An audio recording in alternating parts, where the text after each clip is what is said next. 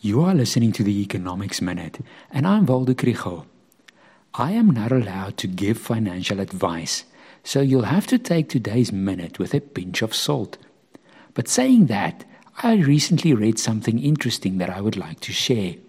It's about collector's items as investment. Occasionally, people decide to invest in collector's items. These are asset classes like art or stamps and there are always stories of someone who discovered an antique in the garage that was actually worth a fortune. But most of the time, these investments are not particularly good ones. One important reason is that art or stamps or other collectibles do not generate cash flow.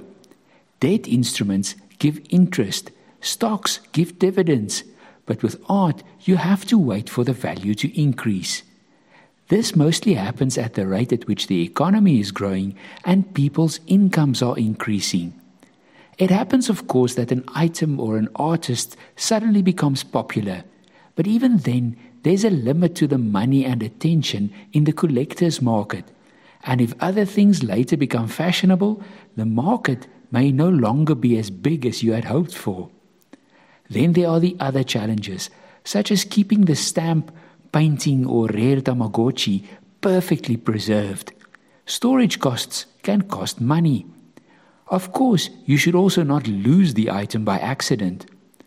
Lastly, there's the point that buying and selling collector's items requires a lot of expertise, and the market is unfortunately full of scamsters.